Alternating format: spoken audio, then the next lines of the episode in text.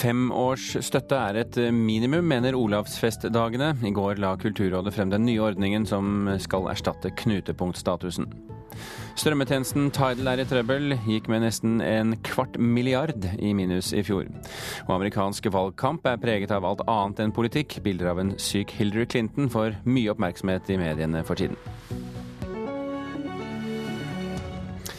Og så er eh, Roald Dahl 100 år i dag, eller ville vært 100 år i dag. Vi skal snakke litt om hvorfor vi i Norge aldri gjorde ham til den norske forfatteren han følte at han var. Femårsstøtte som erstatning for knutepunktstatus er eh, for uforutsigbart. Det mener ledelsen i Olavsfestdagene. Kulturrådet er i full gang med å utforme nye retningslinjer for støtteordningen til landets festivaler. Rådet har overtatt ansvaret for å dele ut pengene som tidligere fulgte knutepunktfestivalene. Og i går la de frem et forslag for retningslinjene til en ny måte å støtte norske kulturfestivaler på. Sting er en av mange musikere som har stått på scenen under Olavsfestdagene i Trondheim. Fram til i fjor var festivalen en av 16 såkalte knutepunktfestivaler som mottok støtte direkte fra Kulturdepartementet i samarbeid med kommunene. Men i fjor vedtok Stortinget at støtten til knutepunktfestivalene skulle flyttes over til Kulturrådets støtteordninger. Og på et møte med flere kommuner i går la Kulturrådet fram et helt nytt forslag til en støtteordningsmodell for landets festivaler, fordelt på tre ulike tidsforløp. Vi ser på en differensiert ordning hvor vi kan eh, kanskje gi en langvarig støtte på opp mot fem år til noen festivaler. Andre på tre år, og andre kanskje på bare ett år av gangen. Det sier Tone Hamsen, direktør i Kulturrådet. Hun forteller at festivalene som vil søke støtte på den lengste perioden for fem år, vil møte flere av de samme kravene som lå til grunn for den gamle knutepunktordningen. Eh, når det gjelder de tidligere knutepunktinstitusjonene, så hadde jo de en eh, avtale med fylkeskommune og kommune som gikk inn med 40% og Kulturrådet, eller departementet den gangen, med 60 eh, og, og den ordningen vil fortsette å gjelde for de store festivalorganisasjonene som skal få langvarig støtte fra Kulturrådet. Så vi forplikter egentlig eh, regionene vel så mye som departementet gjorde. Ifølge forslaget skal bl.a. festivalene som søker om femårsstøtte evalueres etter fire år. Petter Myhr, direktør for Olavsfestdagene i Trondheim, mener det kan bli utfordrende. Jeg syns det er bra at det er lagt opp til fem år. Det bør være et minimum av langsiktighet. Men det som bekymrer meg litt, er når du sier at du skal evalueres etter fire år. Fordi Jeg mener jo at du må, du må søke hvert år om å være en spydspiss og ligge inn under den femårsplanen. Det kan ikke være sånn at du etter fem år skal være helt i det blå om du har det sjette året. For da er det jo ingen langsiktighet lenger. Altså Langsiktigheten vil jo da bli mindre og mindre for hvert år. Kulturrådet har foreløpig ikke gjort et endelig vedtak om kravene og kriteriene for hvordan støtteordningene skal fungere fullt ut. Ifølge Tone Hansen i Kulturrådet vil de nå lytte til partene som berøres av forslaget om den nye støtteordningen. Altså, vi er jo opptatt av å videreføre de gode kvalitetene som ligger i de festivalene Norge eh, vi kjenner i dag. så så vi, vi, vil jo selvfølgelig vurdere hver enkelt individuelt og komme tilbake til det når vi har diskutert det. Og Det møtet vi har hatt nå med fylkeskommunene og kommunene, handler jo egentlig mer om å få innspill og tilbakemeldinger og ha en åpen dialog underveis i prosessen. Sånn at vi får med oss de gode innspillene fra de når vi nå skal møtes i desember og, og endelig fastsette rammene for en festivalstøtteordning.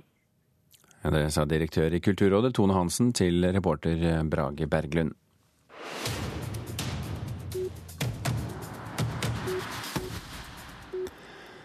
Den norskutviklede musikkstrømmetjenesten Tidal, tidligere Wimp, sliter nå økonomisk. Moderselskapet Aspiro gikk i fjor i minus med nesten en kvart milliard kroner. If you having girl problems, I feel bad for you, son. I got 99 problems, but a bitch ain't one. Det stemmer. Problemene står i kø for JC om dagen. Rapperen kjøpte opp strømmeselskapet Tidal i fjor, og nå er Tidal i trøbbel.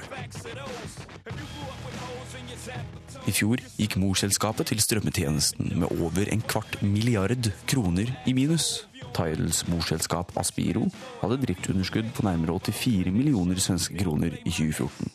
I 2015 derimot hadde denne summen blitt til 222 millioner svenske kroner. I selskapets årsrapport står det bl.a. at kapitalbehovet mangler finansiering for de neste tolv månedene. Den norskutviklede strømmetjenesten har flere ubetalte regninger i skuffen. Det bekrefter både økonomiansvarlig i Oslo World Music Festival og Bylarms daglige leder Erlend Mogo Larsen. Han sier til Dagens Næringsliv i dag at han har forstått at det er litt trangt med økonomien i selskapet, og legger til at han syns det er trist. Det var Dagens Næringsliv som først omtalte saken, og da ikke lyktes det med å få en uttalelse verken fra ledelsen i Tidal eller JCs presseapparat.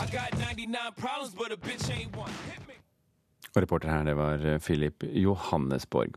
Så kan vi ta med at fylkesmannen i den jordskjelvrammede byen Amatrice i Italia har stevnet det franske tidsskriftet Charlie Hebdo for retten. Tegneren Coco sammenlignet ofrene fra jordskjelvkatastrofen i august med kjøttdeig i en italiensk lasagne. Charlie Hebdo, som ble utsatt for terrorangrep i januar 2015, fikk støtte fra en hel verden. Vi gråt over deres døde, de ler av våre, sa Italias innenriksminister nylig. Jordskjelvet krevde 295 menneskeliv.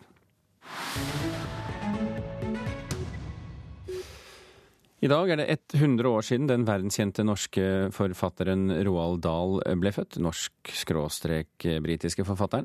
Han står bak historier som Charlie og sjokoladefabrikken, Store vennlige kjempe og Matilda. Han ble født av norske foreldre i Wales, bodde mesteparten av sitt liv i England, men følte seg norsk, og hver sommerferie tilbrakte han i Norge. Men han har aldri fått heltestatus i Norge slik han fortjener, mener kona hans. Person going into that factory. There must be people working there. The only thing that comes out of that place is the candy. I'd give anything in the world just to go in that amazing factory. Charlie og sjokoladefabrikken er en av flere av Roald Dahls barnebøker som er filmatisert. I, Willy Wonka, have decided to allow five children to visit my factory. Men trass i at forfatteren har solgt millioner av bøker, så sa hans kone Felicity Ann Crossland til Søndagsrevyen at Roald Dahl aldri har hatt den heltestatusen i Norge som han har hatt i Wales og England. I, I'm sometimes a little surprised that the Norwegians haven't grabbed him as a, a,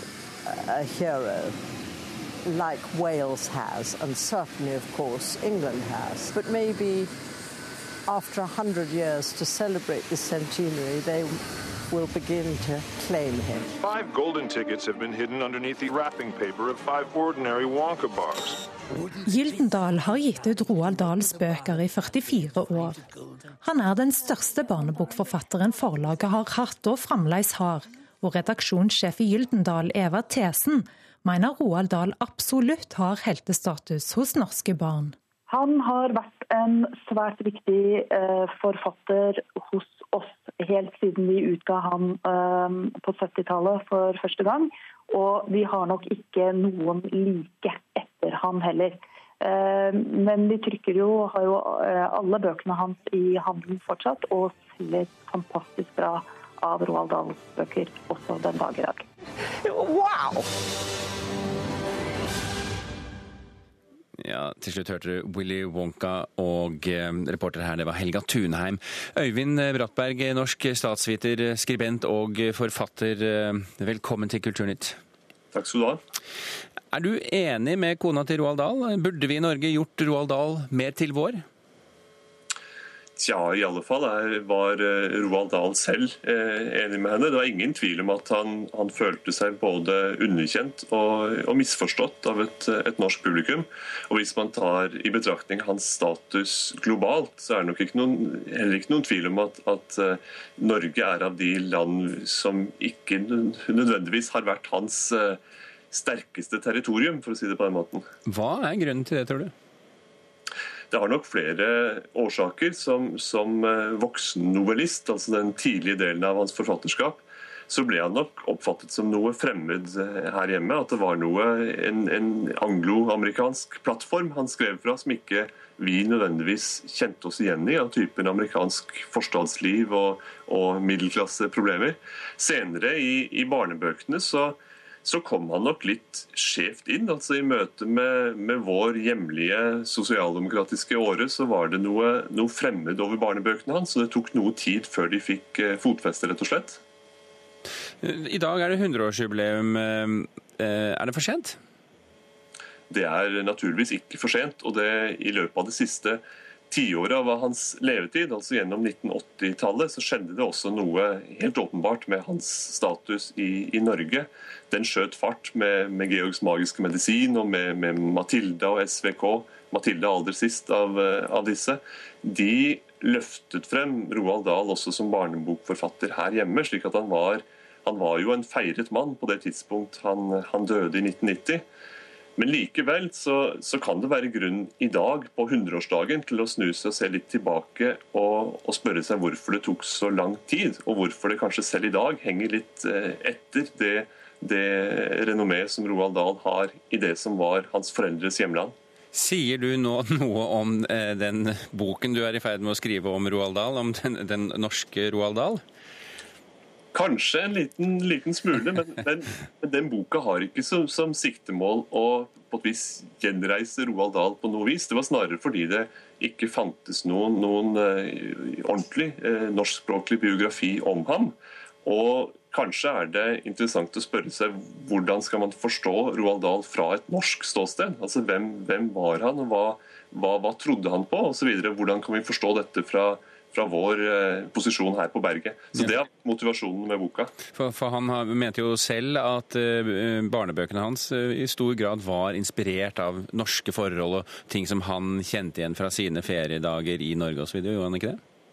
Det gjorde han, og igjen var det slik at det traff i økende grad mot slutten av forfatterskapet. For da, da skrev han den selvbiografiske 'Gutt', og han skrev 'Heksene' og han skrev SVK, kanskje er de tre eh, der hvor, hvor den norske inspirasjonen og minnene fra, fra, barndommens Norge og fra, fra, mor Sofie, kanskje er det der de, de slår, slår, sterkest inn. Så han, han, han, mimret mye på eldre dager, og der eh, kom også Norge stadig tydeligere fram. Ja, det sa Øyvind Brattberg på linje til oss for en uh, times tid siden. Amerikansk valgkamp er ikke preget av politikk, men av forskjellige forsøk på å svekke motkandidaten. Bilder av en sykdomsrammet Hillary Clinton f.eks. har gått verden rundt de siste dagene. I have a law enforcement source who was there, who was 15 feet away from Hillary Clinton. He says she was standing on a curb with a protective detail waiting for her motorcade. Uh, they were surprised to see her because she wasn't supposed to be leaving yet, so they had to wait for the motorcade two or three minutes. When it finally rolled up, my source says she stumbled off the curb, appeared to faint. Lost one of her shoes that wound up underneath the van. Uh, her protective detail, I'm told, helped her into that van. And then the van took off, presumably in the direction of a hospital. They grabbed her shoe. Velkommen, første lektor i retorikk og samfunnspåvirkning ved Høgskolen i Kristiania, Kjell Terje Ringdal. Tusen takk. Dette var dramatisk, det. Ja, ehm, det, høres jo altså Man vet jo ikke helt om eh, Var det dehydrering, eller var det eh, langt mer alvorlig? Altså den formen for eh, hvordan man beskriver amerikansk valgkamp, blir jo mer og mer dramatisk. De små tegnene, de små symbolene, de blir gjort veldig store. Og man får en følelse av at nå er valget avgjort, nå har det dramatiske skjedd. Og Så går det tre dager, og så er den saken borte, og så kommer det andre saker. Og Det er jo det som da preger denne valgkampen mer og mer. Men, men, når du sier at valgkampen i USA er preget av alt annet enn politikk, er det dette du sikter til da? Ja, eh, ja blant annet. Eh, det er klart at det, det, er jo elementer av politikk eh, fortsatt i, i, amerikansk politikk. Men tegnene, symbolene, dette som kan være markører, ser ut til å bli mer og mer viktig. Og at det som er på overflaten, hvordan man håndterer debatter på TV, hvordan man går, hvordan man sitter, hvordan man snakker, ser ut til å være det som analyseres som et slags et forsøk på å finne kjernen av kandidaten. Sånn at det utvendige blir, altså i beste fall, tegn på det som ligger innerst, mm. og er det vi skal velge. Hvis man skal tro på konspirasjonene, så har vel Hillary Clinton et knipp, ja, et tosifret antall dødelige sykdommer, eh, hvorav også Parkinson er, eh, er nevnt. Eh, på hvilken måte skader det kandidatene å bli fremstilt som syke? Nei, Dette er jo en kamp om eh, det som han sier er kampen om å vise styrke, kampen om å se ut til å ha empati, og kampen om det å eh, ha integritet.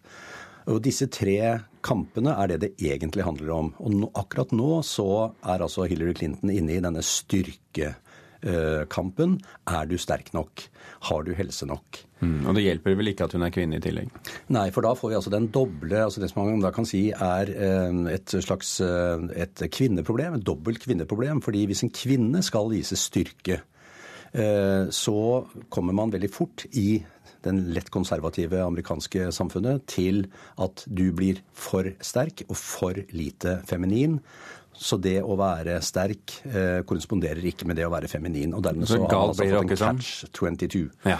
Men Donald Trump han har jo lagt frem denne hva skal vi kalle det, lett animerte legeerklæringen der det blir slått fast at han er 150% frisk. Intet mindre. Hjelper det ham, eller, det, eller, eller svekker det ham? Nei, Det kommer vel i kategorien 'kan ikke skade'. Eh, dette er jo, altså Trump eh, har jo hatt en serie med skandaler som kunne se ut til hver eneste gang at nå eh, blir du skadet av dette.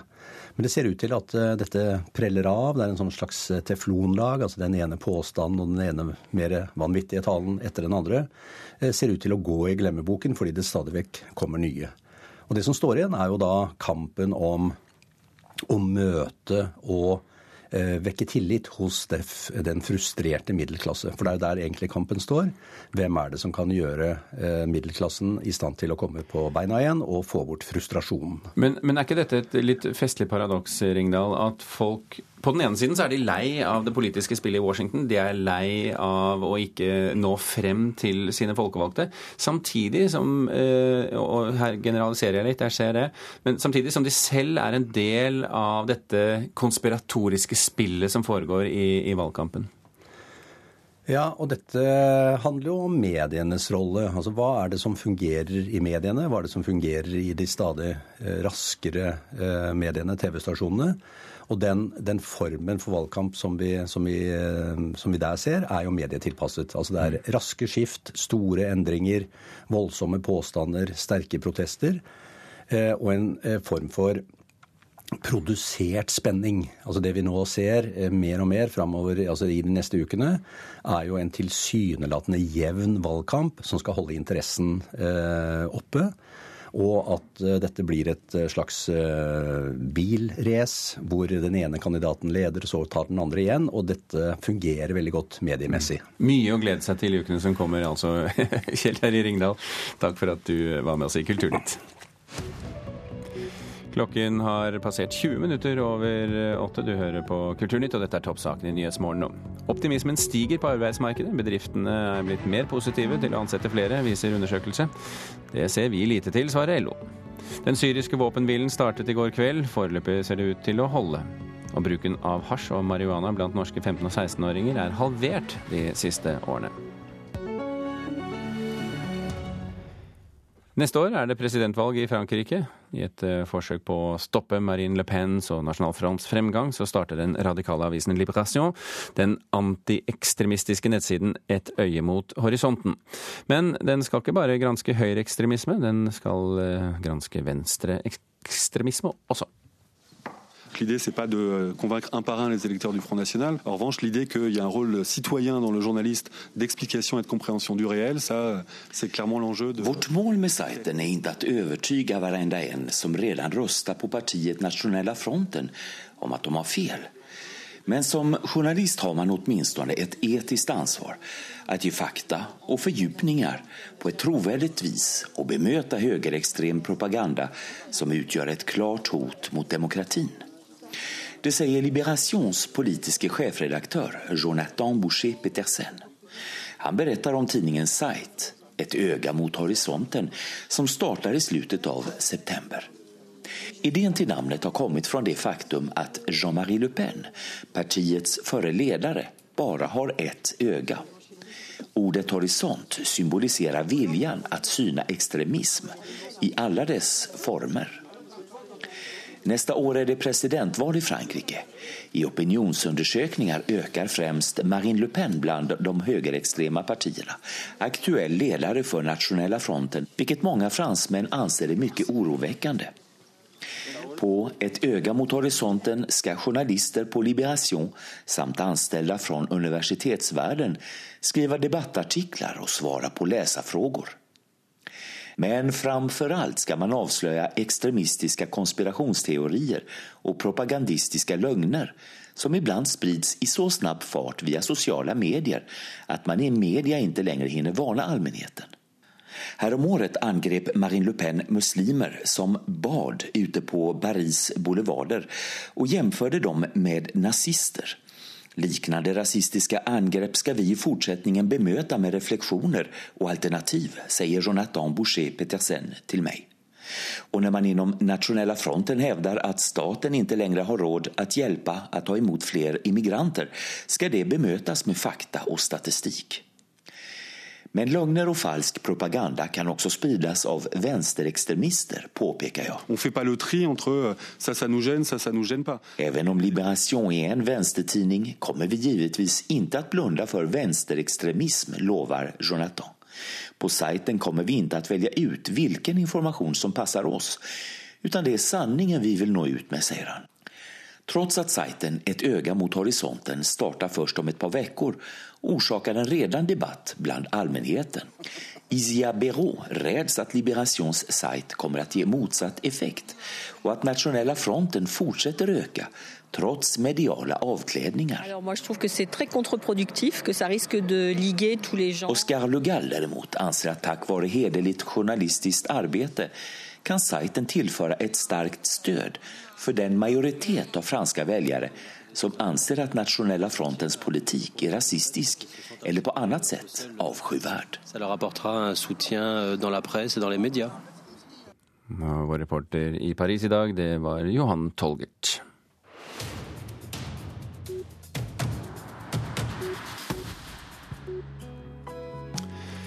Artisten Moddi har eh, fått mye blest i utlandet de siste dagene for sine forbudte sanger. Sunday Times kaller han en aktivist og sanger som vekker gjenlyd fra Kina til Israel. Og med på platen har han også fått en låt fra Storbritannia, faktisk, over eh, sensurerte sanger. En av de mest elskede artister, Kate Bush. Our little army boy is coming home from BFPO. I've a bunch of purple flowers to decorate my daddy's hero. Morning in the aerodrome, the weather warmer, he's colder. Four men in uniform to carry home my little soldier. What should he do? Pål Moddi Knutsen, velkommen til Kulturnytt. God morgen. Du rista på huet og så sa du Sunday Times. Ja, det er så mye som skjer nå om dagen at jeg får ikke med meg halvparten engang. Du må begynne å google deg selv. jo, jeg har mitt svare strev med å fortsette å oppdatere Wikipedia-sida mi. Ja, ikke sant. Du, eh, vi hørte her eh, en eh, låt fra tidlig 80-tall, Kate Bush sin låt 'Army of Dreamers'. Hva, hvorfor ble den sensurert? Du, Army Dreamers var jo en av Kate Bush sine største hits, uh, gitt ut i 1980, uh, og gikk på både radio og TV i, i over ti år, uh, før den eh, plutselig i 1991 ble tatt av lufta eh, i hele BBC, både på radio og på TV. Dette var statskanalen BBC, det var ikke noe Nei, det var ikke noe tøv. Um, eh, I lag med 67 andre sanger eh, som var eh, regna for å være uegna eh, for eh, radio nå når eh, Gulfkrigen gikk på som fullt. Så, eh, så, så på, og på den lista så har du helt latterlige bidrag, sånn som I Shot The Sheriff og uh, In The Air Tonight. Og så har du norske a-ha med Hunting High and Low, Ja. som ble fjerna pga. ordet hunting. Ja. Så, så, så det er jo på en måte uh, Den her uh, plata med tolv forbudte sanger, så viser jo Army Dreamers den ene ekstremiteten av hvor holdt på å si, tilfeldig en sang kan bli sensurert. Ja, det kan du si. På en annen måte, eh, på en annen side, så er jo dette en sang som handler om gutter som sendes i krigen, og Mm. som blåses opp av miner og sånn. Så det er vel ikke helt tilfeldig, tross alt. Tilfeldig er det ikke, men Army Dreamers var en av de uh, sangene på den, på den lange lista, veldig lange lista, som jeg følte at var veldig relevant å høre under, uh, under eh, Gulfkrigen. Altså, Storbritannia sendte av gårde 50 000 eh, unge menn til å krige, og så ville de ikke høre om det. Men, men er den like, og her i høyeste grad i hermetegn, er den like forbudt som de andre sangene som du har med på den plata fra Sør-Amerika og Vietnam, og, og fra Norge for den saks skyld? Nei, eh, den er jo ikke det. Eh, Jeg starta med et ganske sånn snevert sensurbegrep da jeg, da jeg begynte på denne plata, eh, med Victor Hara og, Pussy Riot og dem som har blitt knerta og satt i fengsel for den musikken de har skrevet. Men så etter hvert så innså jeg jo det at, at, at, at musikksensur innebærer så veldig mye mer. Og de mest effektive metodene for å få en sang fjerna, er, er jo ikke å drepe musikeren. Det er jo rett og slett bare å fjerne musikken i det helt, helt, helt stille. Så den, den BBC-lista med, med sensurerte sanger, den kom, kom aldri ut annet enn annet enn muntlig. Alle listen ble makulert og borte vekk. Så Er, er det et litt sånn paradoks at du har plukket låter som er sensurert og altså fjernet, eh, lagt dem ut for eh, verden i nye utgaver, og så får du sånn voldsom oppmerksomhet eh, i internasjonale, eh, internasjonale medier? Nei, det syns jeg ikke. jeg mener, altså, jeg holdt på å si, i, i Norge så høres det jo litt ut som et sånn hyggelig hobbyprosjekt, kanskje, dette her med Eller sånn, ja, hvordan kan man si det? For meg er det jo ganske uh, omst... Jeg skal ikke si omstendelig, men i hvert fall relativt lett uh, i forhold til hvordan det var for de originale sangskriverne. Uh, jeg er jo en, i en ekstremt privilegert uh, posisjon som kan synge stort sett, stort sett hva jeg vil, eh, uten å få svi for det. Mens, mens det er folk på den plata her som har blitt både drept og, sett, og, og fortsatt sitter i, sitter i fengsel. Så, så det er skikkelig sprengstoff på denne plata. internasjonalt, altså. Men, men, men um, Financial Times for eksempel gir deg nå fire av fem stjerner. Det er en bra Ja, karakter. Ja, Ah, ja, jeg må følge med. Jeg må gjenta dette som jeg sa, så du må google deg selv. Så må følge med hvordan det går. Eh, Pål Moddi Knutsen, eh, dette er altså disse tolv sangene, sensurerte sanger, som du har tatt frem i lyset igjen, eh, som da får stor eh, opp igjen omtale i, i mediene verdens rundt nå. Eh, tusen hjertelig takk for at du kom til eh, Kulturnytt og fortalte om det. Og så får vi følge med på Wikipedia-siden din etter hvert som den oppdateres dag for dag, har jeg inntrykk av nå. Kulturnytt er i ferd med å runde av. Tone Staude var produsent i dag. Birger Kåsrud Aasund satt i studio. Takk for følget.